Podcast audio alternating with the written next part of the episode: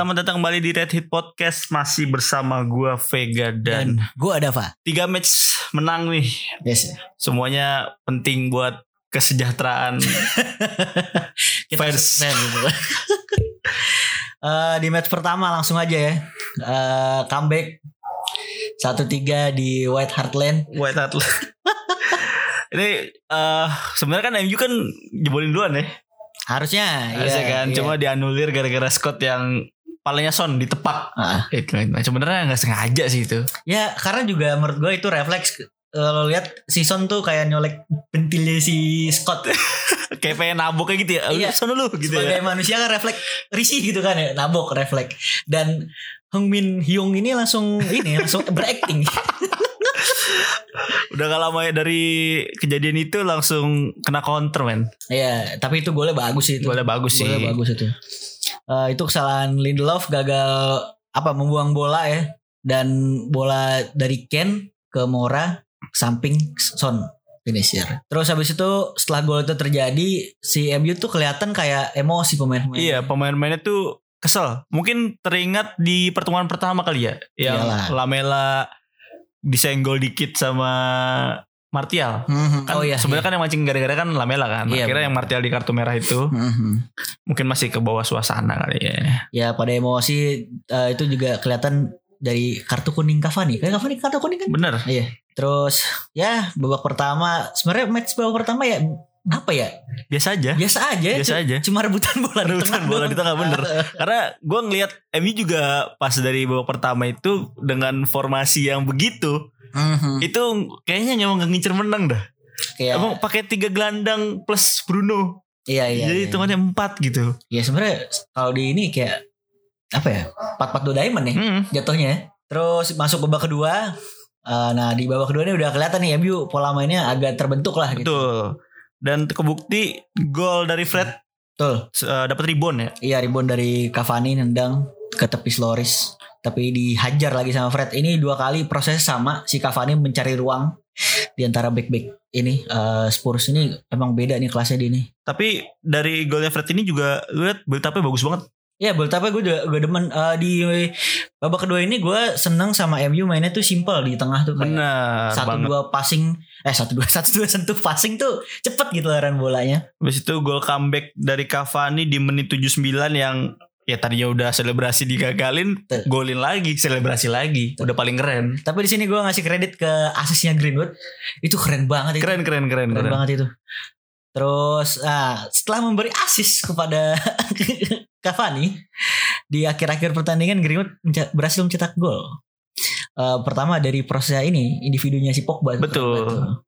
Eh, killing the game ya bisa dibilang Ya, iya. salah satu eh, peluang yang nggak di gimana ya nggak disia-siain sama Oh Greenwood. jelas. Digebot cuy. Oh parah. Emang lagi on fire nih Lagi on fire kacau dan bisa eh, Cavani menyelamatkan gawang MU bro. Oh iya. Lu ngeliat di menit 83 itu Pogba kan itu kan corner. Iya Posisi corner. Betul. Pogba buang bola tapi nggak terarah. Mhm. Yang harusnya gol tapi di situ masih ada kepalanya Cavani.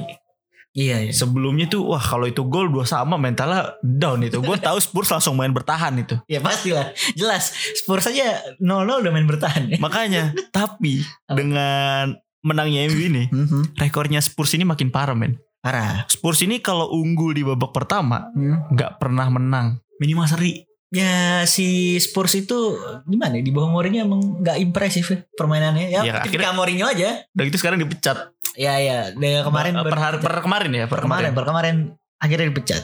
Terus ke match selanjutnya kali ya. Habis itu Granada ya. Leg Kelihatan di sini banyak pemain yang dirotasi sebenarnya. Tahu nggak banyak sih, cuma beberapa pemain dirotasi. Betul betul. Langsung aja Cavani membuka keunggulan di menit 6. Wih, Nggak ini. pakai lama. langsung volley first touch. Oh. Pakai kaki kiri. Eh, itu dia. Kaki lemah. Kaki itu dia itu dia terus eh, ya di match ini sebenarnya nggak ada impresif dari MU sebenarnya Dan ini yang keren nih. Apa tuh? Maguire gak main cuy.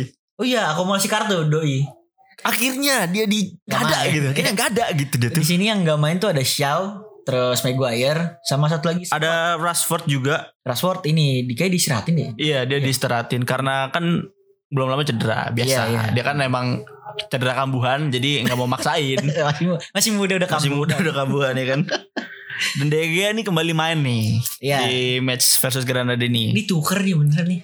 Kayak De Gea udah bener main di kompetisi nih kayaknya. Aduh, gimana ya? Gue kurang yakin nih. Cuma ya kita doain yang terbaik aja lah Kita buat lihat aja lah. kiper ya. kiper itulah. Eh, ya di match ini setelah gol Cavani tadi apa ya? Biasa aja permainan. Biasa aja. Langsung mainnya tuh kayak nggak semangat sebenarnya karena udah ya udahlah gue udah unggul banyak gitu kan Iya, gitu iya mau ngapain lagi kan? agregatnya 3-0. 3-0 pada saat Iya. itu kan Si Granada mainnya juga gak niat. Iya. Gue gak ngerti itu. Apa apa yang dimau dari Granada nih? Habis itu kan ada gol yang terakhir itu di menit 90 ya Iya. gol bunuh dirinya Valeo Iya, sebenarnya itu pergerakan yang bagus dari Juan Mata yang Iya. baru masuk itu. Baru masuk setelah beberapa lama gak main kan. Nah, Langsung buat buka ruang bikin back lawan bunuh diri. itu dia Iya. bikin kocar kacir Iya, Asik. Iya. ini yang keren juga nih di match ini ada tiga kapten Ben Iya benar benar benar. di match ini MU punya tiga kapten Pertama Ba- Pogba. Betul, Pogba dari awal masuk kan, Dari masuk. entrance, habis itu diganti eh, Bruno Betul. karena Pogba udah kartu kuning, Iya. kan diganti diganti Van de Beek. Bocah emosi nih Pogba juga. Habis Babak kedua dia langsung diganti itu kan dia. Bruno, habis itu Bruno juga diganti di menit 73 Ya, Juan mata. Mata.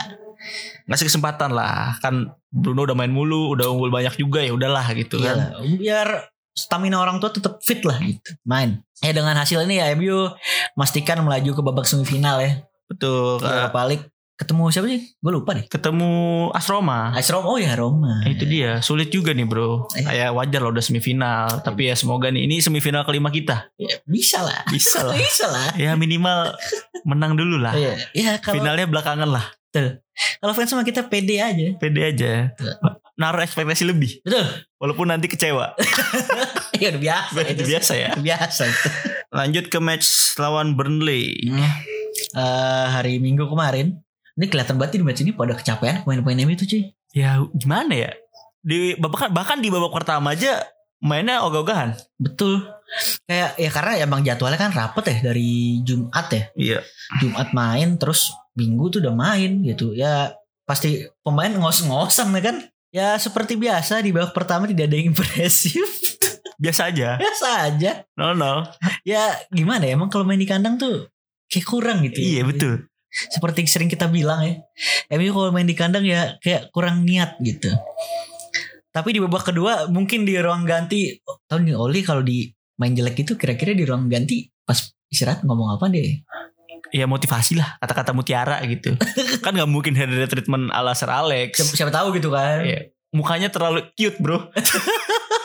Baby face kayak gitu ngomel-ngomel kayak gak cocok dah. Mungkin kata-kata kalem yang memotivate. Oh iya, memotivasi pemain ya. Tuh. Terus baru mulai babak kedua langsung Greenwood golin. Ini sebenarnya gue nonton, aduh, gue tinggal-tinggal nonton sebenarnya. Di babak kedua, ah, kan di babak kedua Hmm.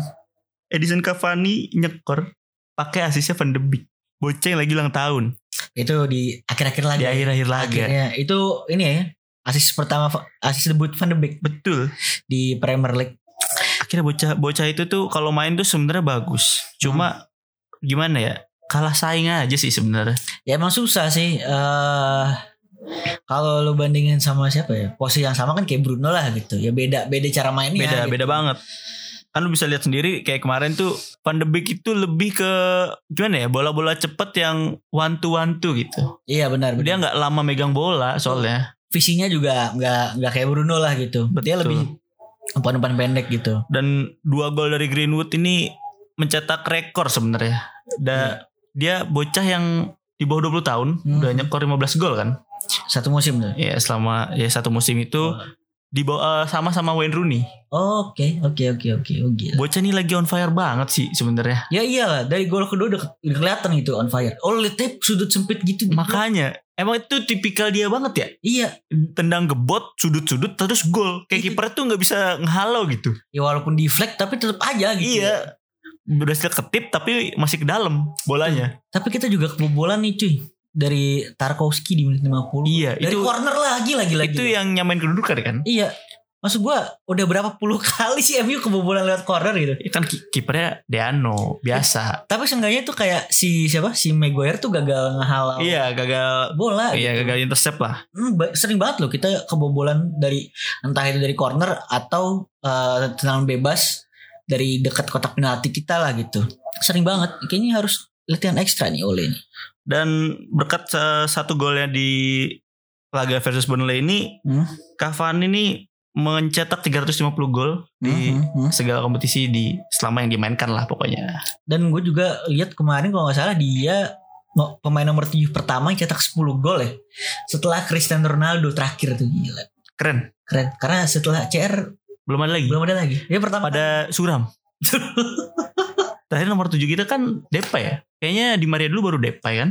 Oh iya benar. Eh, Kan iya kan eh, di Maria itu zamannya Van Gaal. Depay itu zamannya Mourinho kan? Iya kayak. Mourinho awal Iya kan? terakhir Depay kayaknya sih. Iya kan? Iya terakhir. Habis Depay. itu belum ada lagi. Iya iya iya iya iya. Benar benar. Ya kalau nggak ini lo cek sendiri lah, males gua nyari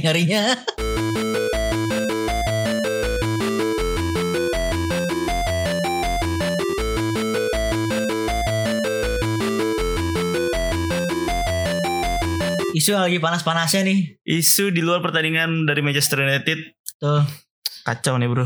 Dunia sepak bola lagi kacau banget karena akan ada European Super League. Betul. Dan eh, Manchester United adalah salah satu dari dari 12 Tim founder. ya klub eh, pendiri eh, kompetisi tersebut gitu. Kalau menurut lo gimana nih menanggapi tentang ISL eh, ESL ini nih? Gua agak pusing juga ya karena sebenarnya dengan adanya ESL ini agak jadi kurang bergairah sepak bola dunia ini. Hmm. Karena men, lu nggak mungkin nontonin big match setiap minggu gitu. Hmm. ya emang kalau dipikir-pikir big match setiap minggu juga nanti juga akan apa ya? Lo Bosen. iya bosen juga gitu. nggak ada nggak ada gimana ya nggak ada dak dikduknya kayak ya udah udah biasa ya udah udah Hmm. biasa gitu ngerti Betul, gak sih maksud gue Betul betul. kayak aduh ini bahkan ancaman-ancaman dari pihak FIFA dan UEFA pun udah bertebaran nih Iya benar. ya kan Ah benar. kayak di WO-nya ya kita uh, klub-klub yang ikut itu ya Betul. yang ikut dari itu dari kompetisi domestik sama maupun uh, Champions League atau European League Betul. dan aduh gue masih nggak habis pikir sih Hmm. ini kan uh, pencetusnya kan Valentino Perez sebenarnya isu ini bukan Hmm. isu sih sebenarnya project ini Iya. ini udah ada dari tahun 98 Hmm, hmm. bahkan Arsene Wenger pun udah pernah bilang kalau Iya. ini pasti bakalan kejadian itu itu dia bilang tahun 2008 Du- ya 2008 2009 Iya kan? Ah. dia bilang pasti 10 tahun ke depan akan ada match kayak gini akan ada klub yang merasa duit dari uh, Champions League itu uh, kurang gitu dan Se- aduh emang sebenarnya kurang sih cuma bisa bisa dibilang bukan salahnya Champions League juga karena eh, lu tahu sendiri kan Mhm. sekarang perekonomian dunia Mhm. apalagi di sepak bola men sepak bola Hmm. karena nggak boleh ada penonton penonton Iya. pasti berkurang Betul. dan lu tahu sendiri kan pemain-pemain sekarang harganya pada nggak masuk akal Mhm. itu kan semua bermula dari situ Hmm. Sebenarnya kalau yang gue lihat ini kan sekarang pro kontra nih ada dua kubu nih, ada yang Hmm. setuju sama gak setuju. Kalau gue tuh masih di abu-abu. Sebenarnya kalau gue ngelihat eh, kedua pihak ini sebenarnya ngincernya cuma sama sama tujuannya, duit. duit betul, Betul. Eh, duit ini jadi si UEFA itu merasa, terancam karena jika ada SL ini pasti menganaktirikan masih nantinya iya pasti nanti kan pendapatan dia berkurang kan betul karena nggak ada klub yang berlaga di kompetisi dia Mm-mm. sebenarnya. Nah, tapi dari pihak ESL sendiri ini mereka sebenarnya ingin transparan dari UEFA sendiri karena mereka merasa selama ini UEFA tuh kayak nggak jelas gitu. iya uh, laporan nutupin lah ya nutup nutupin lah Eh, kayak berapa sih itu duit eh, duit dari TV Red, eh, UCL segala macem itu pada larinya ke mana gitu. Iya. Masa masa cuma hadiah doang iya gitu kan. hadiah ju- juara tuh berapa ratus seratus berapa juta euro gitu kan terlalu sedikit gitu. Hmm. Nah, sedangkan si klub-klub ini juga yang tadi lo bilang banyak yang apa krisis keuangan sehingga mereka butuh duit karena klub-klub besar ini kan pemain-pemainnya mahal ya. Betul, pemainnya pada mahal semua ya. Gak usah gak usah biaya transfernya deh, gajinya aja. Nah, itu. Yang udah pasti dikeluarin tiap minggu atau tiap bulan. Betul. Nah, gajinya itu kan ibaratnya mahal banget sedangkan pendapatannya itu sekarang nol kan ibaratnya bisa Iya. dibilang gitu ya. Nggak nggak sebanyak biasanya lah gitu.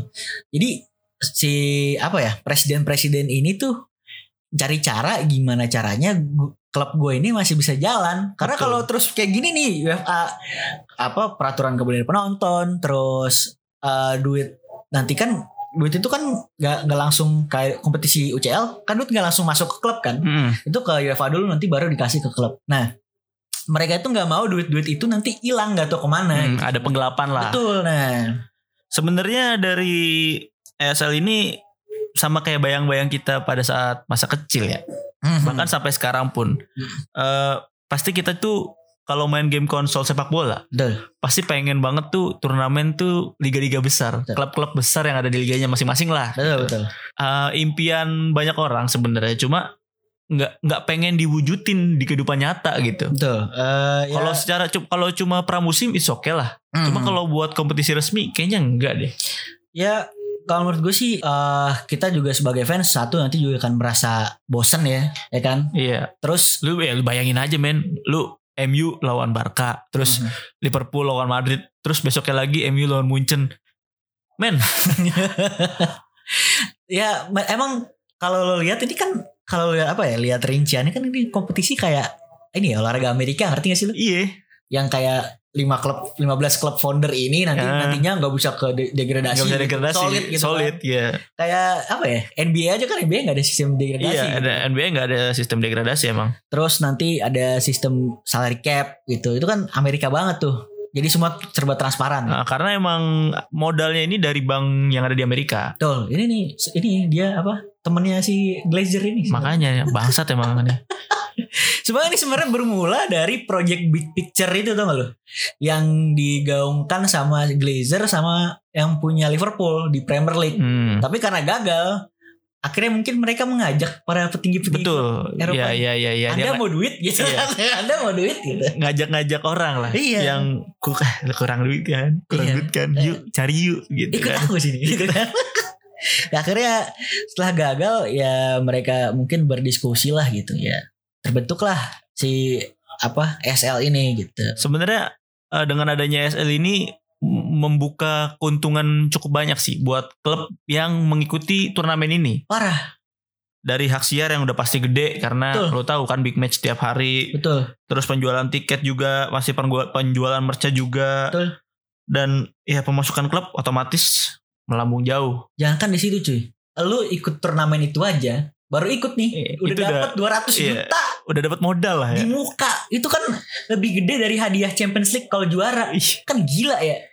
Gimana nggak tergiur lah. Tapi ada juga kekurangan-kekurangannya nih. Yang Mhm. bilang tadi selain kita bakalan bosen, jatuhnya kan ini kan monopoli kan. Monopoli Iya monopoli sepak bola. Iya iya iya. Yang di mana tim-tim besar ini pasti selalu main. Betul. Nggak ada slot buat tim-tim yang sedang memanjat Jadi narik prestasi lah gitu. narik, narik pasar lah gitu Iya. semuanya. Jadi nyedot semuanya ya harus ke dia semua gitu kan. Ya, lu bayangin aja kompetisi ini tuh isinya pemain top semua. Mhm. Gimana klub-klub kecil gitu maksud gue. Ngerti iya, gak sih lu? Iya betul. Dan UEFA dan FIFA ini kan sedang ini ya giat-giatnya nih eh, menggembar-gemborkan akan memban lah segala macam Ba- bahkan sampai pemain pun akan apa ya nggak boleh tampil di ajang Euro atau Iya, atau FIFA, FIFA World Cup, World kan? Cup, Nah, iya. itu dia. Jadi sebenarnya yang paling kesian di sini sebenarnya sih pemain sama pelatih. Iya, bahkan pemain-pemain pun sebenarnya banyak yang gak setuju loh. Iya, iya. Karena kan ini kan sebenarnya cuma keputusan dari petinggi klub kan. Betul, betul, betul. Ini sebenarnya apa ya? Hanya keinginan keingin kemauan pribadi mereka untuk duit gitu. Mm-mm. Bukan nggak ada tuh eh, mikirin sebenarnya kayak pemain ke ke luar-luar kayak fans gitu nggak mikirin. Ya lu eh, sama satu lagi sih kalau bener-bener adanya pertandingan ini yang akan diadakan setiap minggu di tengah minggu. Ya kalau nggak Rebo Kemis gitu kan. Di mana itu jadwalnya UCL Hmm. sebenarnya. Itu pasti akan eh, mengurangi jumlah rotasi pemain juga. Kalau bisa dibilang karena kalau setiap kali ketemu big match masa ya lu pakai tim muda. Kan nggak Hmm. mungkin juga. Iya, iya, iya. Pasti kan ada apa ya? Ada pride yang harus dijaga gitu. Betul, betul. Tapi sebenarnya gue ini ya kesian juga sama klub-klub ini yang pengen didepak dari liganya sebenarnya diancam ya. Ya karena si liganya juga mikirnya duitnya pada hilang kali ya kalau ini. ya. ya sekarang gini deh di Premier League lu bayangin kalau nggak ada klub enam itu Mhm. kayak eh, MU, City, Liverpool, Tottenham, Chelsea, Arsenal. Terus mereka ini kan enam klub itu kan mempunyai base terbesar di Inggris. Iya Bisa dibilang gitu kan. Hmm. Fansnya banyak, Hmm. em, menghasilkan uang yang cukup banyak. Betul. Kalau misalnya nggak ada mereka, Premier League jadi sepi men. Tapi kan yang mengeluarkan statement gak boleh main itu kan si Premier League sendiri harusnya bisa main aja duitnya masih ada dong. Nah maksudnya gini loh, kalau misalnya emang ada mereka Mhm. dan mereka itu nggak main di UCL atau UEL, Hmm. terus buat apa ada kompetisinya? Buat apa ada peringkat 1 sampai peringkat 4? Ya Lo ngerti nggak? ngerti tapi bisa mungkin gini aja kayak sa- sebenarnya kan mereka ini kan sebenarnya nyari cuma duit doang sebenarnya. Iya. Dia sebenarnya nggak nggak nggak mikirin nggak mikirin UCL UC segala macem kalau menurut gua. Tapi mungkin karena mereka didesak sama si siapa si UFA sendiri gitu kan karena kalau UFA em, ke 12 tim ini gak main di Champions League gitu kan otomatis kan UEFA hilang duit nih nah UEFA ini kan tertinggi di Eropa kan pasti dia akan apa ya akan ngepush si federasi negara-negara ini yang di bawah naungan dia pasti untuk eh, ngepush juga lu kalau misalnya kayak setuju dengan adanya dengan adanya ESL ini mungkin keanggotaan bukan keanggotaan slot lu di di UCL akan di Hilangkan. hilangkan gitu. Sebenarnya nggak masalah. Sebenarnya yang rugi di sini cuma UEFA doang sebenarnya kalau menurut gue. Eh, dibilang rugi atau nggak rugi tergantung. Iya sih. Kalau misalnya masih boleh ikut UCL atau WL pun Mhm. malah menurut gue yang rugi klub. Ya, Karena iya sih. lu tahu sendiri jadwal biasa aja udah padat banget. Betul. Eh tapi sekarang juga UEFA jadwalnya padat banget cuy. Kalau lo bandingin nih kayak sekarang aja masih ada ibaratnya UEFA tuh masih ngadain UEFA Na- National League yang gak penting gitu loh. Itu kan Itu buat kan negara. Tapi padat banget dong buat pemain. Iya, it's okay lah. Tapi Itu sama- sama buat nambah-nambah trofi pemain yang ada di negara lah. Kan Tapi sama aja kayak pemain mendingan dapetin duit yang lebih banyak di ESL kan logikanya gitu dibanding National League. Kalau menurut gue kalau na- bicara nasional league ini beda sih. Karena pemain itu pasti bakalan punya pride lebih kalau dia menjuarai suatu kompetisi dengan negaranya. Tapi Jatuhnya kan kayak pahlawan tanah airnya dia, boy. tapi nggak penting National League tuh setahun sekali ada gitu ngerti Iya, gue ngerti sih. mungkin kalau misalnya Euro kayak Piala Dunia oke deh gitu pride tapi National League ini apa ya kayak ajangnya UEFA tuh cuma nyari duit aja gitu ya Ini sebenarnya perang besar antara mafia-mafia sepak bola sih, Betul. kalau bisa dibilang. Karena ya rebutan duit sih. owner yang, yang korban ya kita sebagai fans terus eh, pelatih pemain itu yang di- dirugikan sebenarnya Ini tuh bisa dibilang revolusi gak sih? bisa dibilang iya sebenarnya Eh, kalau mungkin menurut gue kalau misalnya nanti sampai UEFA buka semua keuangan ya, maksudnya transparan ya. transparan, Mm, akhirnya ketahuan bahwa Hmm. duitnya ke mana, duitnya ke mana. mhm, Kalau sampai bener ada yang bisa di maaf ya tindak korupsi, mhm. wah itu kacau sih. pasti ada sih kompetisi Ya gue juga yakin ada, Pasti cuma maksud gue bakalan lebih kacau daripada ini. Iya, Ngerti iya, gak sih lu? Benar-benar. Ya makanya sebenarnya si Perez itu kan di, di wawancara tuh tadi, pagi kan ada tuh wawancaranya sama TV Spanyol. Ya dia tuh sebenarnya intinya tuh cuma minta Transparan. transparansi keuangan dari UEFA itu aja udah gitu. Sebenarnya intinya itu semua semua duit duit itu menguasai dunia.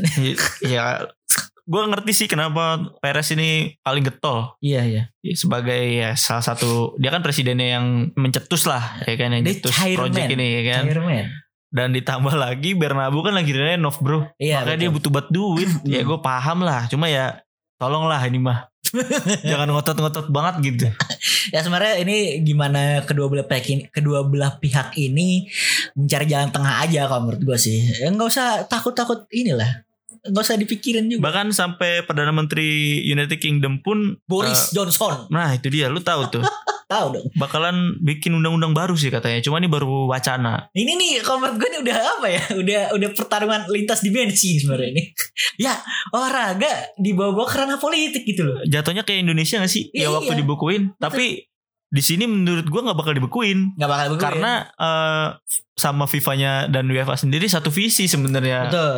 dan untuk eh, menghentikan ESL Iya, ini Ya sebenarnya menurut gue si pemerintah Inggris ini terlalu ditekan oleh FA sebenarnya kayaknya gue lihat nih. kayak karena men si eh, 14 tim yang lain tuh nggak setuju dengan adanya Iya. pertandingan ini Aha. ya buat apa juga sih sebenarnya udah UCL tuh cukup lah gitu eh, big match setahun sekali atau dua kali gitu. Biar deg-degan tuh nggak usah banyak-banyak. Lu, lu lu pikir deh, lu sebagai fans MU deh. Eh. Kita lawan klub yang kasta tengahnya Premier League aja, kayak misalnya lawan Everton, lawan Aston Villa. Kita Hmm. yang mainnya begitu aja itu kita deg-degan kan. Hmm. Gimana kalau kita ketemu Big Miss setiap hari? Tapi terhibur cuy. Iya juga Ya sih. kan gimana tuh coba. Tapi terhibur. Tapi tapi lu ngerti gak? Gue masih nggak ngerti kenapa bisa dibilang ini yang masuk klub founders ini tim-tim gede gitu. Hmm. Padahal padahal nih ya, padahal Juventus itu kalah lawan Porto men. Hmm. Ya, Hmm. di UCL. Iya. Habis itu Arsenal cuma seri lawan Fulham kemarin, Iya iya. ya kan? Itu juga sampai menit 90 plus 3 gitu baru ngegolin Arsenal tuh. Betul. Spurs kalah lawan Dinamo Zagreb ke bantai di Betul. UEL. Betul. Habis itu Barca kalah lawan Cadiz di La Liga musim ini. Betul. Real Madrid cuma seri lawan Gestafe kemarin. Sama kalah divisi 3. Bayern cuma seri lawan Union Berlin Nah, dan MU pun juga masih struggle. Cuma Mungkin gini, sih? cuma mereka- jual nama nih. mereka ya pasti jual nama karena nama nama klub itu besar kan. Otomatis duit yang akan didapat besar juga dong. Betul. Gue Nah. juga setuju sih kalau itu. Mereka ya kenapa bisa dibilang besar ya karena tim-tim yang dipilih punya nama, punya fans apa? Uh, Punya fan base base yang besar ya. Iya, ya duit ada di situ gitu. Mau kayak Spurs lemarinya masih kosong kayak gitu kan. Tapi kan internasional fansnya banyak gitu. Mau kayak Arsenal gurem nggak nggak ada gelar-gelar gitu. Ya konklusi aja deh. Menurut lu, lu setuju gak? Gue masih abu-abu sebenarnya. Ya karena gue melihat si Ya prefer ke mana nih? Kan pasti kan nggak mungkin 50-50. Pasti ada ada 51 sama 49 gitu maksud gue. sebenarnya gini sebagai manusia kan sebenarnya susah buat keluar dari ekosistem yang udah nyaman ya. Ya. gue masih lebih eh gue masih ini agak menolak sebenarnya. ya gue juga kalau gue sih sebagai fans uh, United, gue sebenarnya menolak karena men kita punya sejarah panjang di UCL gitu kan. Tapi nah, kalau misalnya kita ikut ESL dapat duit banyak bisa beli Halan atau Sancho. Enggak, gue nggak peduli. Gue mendingan ngorbitin pemain muda anjir. Nggak nggak perlu pemain pemain pemain uh, mahal yang nggak jelas juntrungannya itu tapi cuma memecah yang ada di suasana di dalam ruang ganti gitu. Ya kita lihat aja lah. Ya semoga dengan apa namanya adanya diskusi antara mereka, gue sih yakin uh, price dari UCL ini bakalan digedein Ya betul. hadiahnya ya hadiahnya bakalan digedein dan nantinya Hmm. Nggak akan ada ESL harusnya Kita lihat aja ntar. Karena pasti ada nih jalan tengahnya ntar ada aja. ya pasti ada jalan tengahnya menurut gue ya bakalan kayak gitu jadi hadiah dari pertandingan dari UEFA ini digedein sehingga ya itu nggak ada lagi bacot-bacot dari petinggi-petinggi klub yang rakus duit Amerika bangset Grazer keluar aja anjing Wajar dong. Pemain kita mahal-mahal. Wajar. ya ya oke it's oke Dan sekian dari episode kali ini ya selamat menunaikan ibadah puasa jangan marah-marah Iya, semoga lancar ya sampai ntar lebaran. Ah, BTW kita juga punya ini nih Twitter sekarang udah ya. Oh ya kita punya Twitter di Iya. Reddit, Pod, Reddit Podcast ya. iya lupa sendiri. iya kan. Cari aja. Cari aja. Ada Reddit Red Podcast. Hit Podcast tuh cari. Iya, kita kalau ada match kita sedikit bahas lah. Iya, nah kalau mau nge-tweet mah nge-tweet aja, follow aja.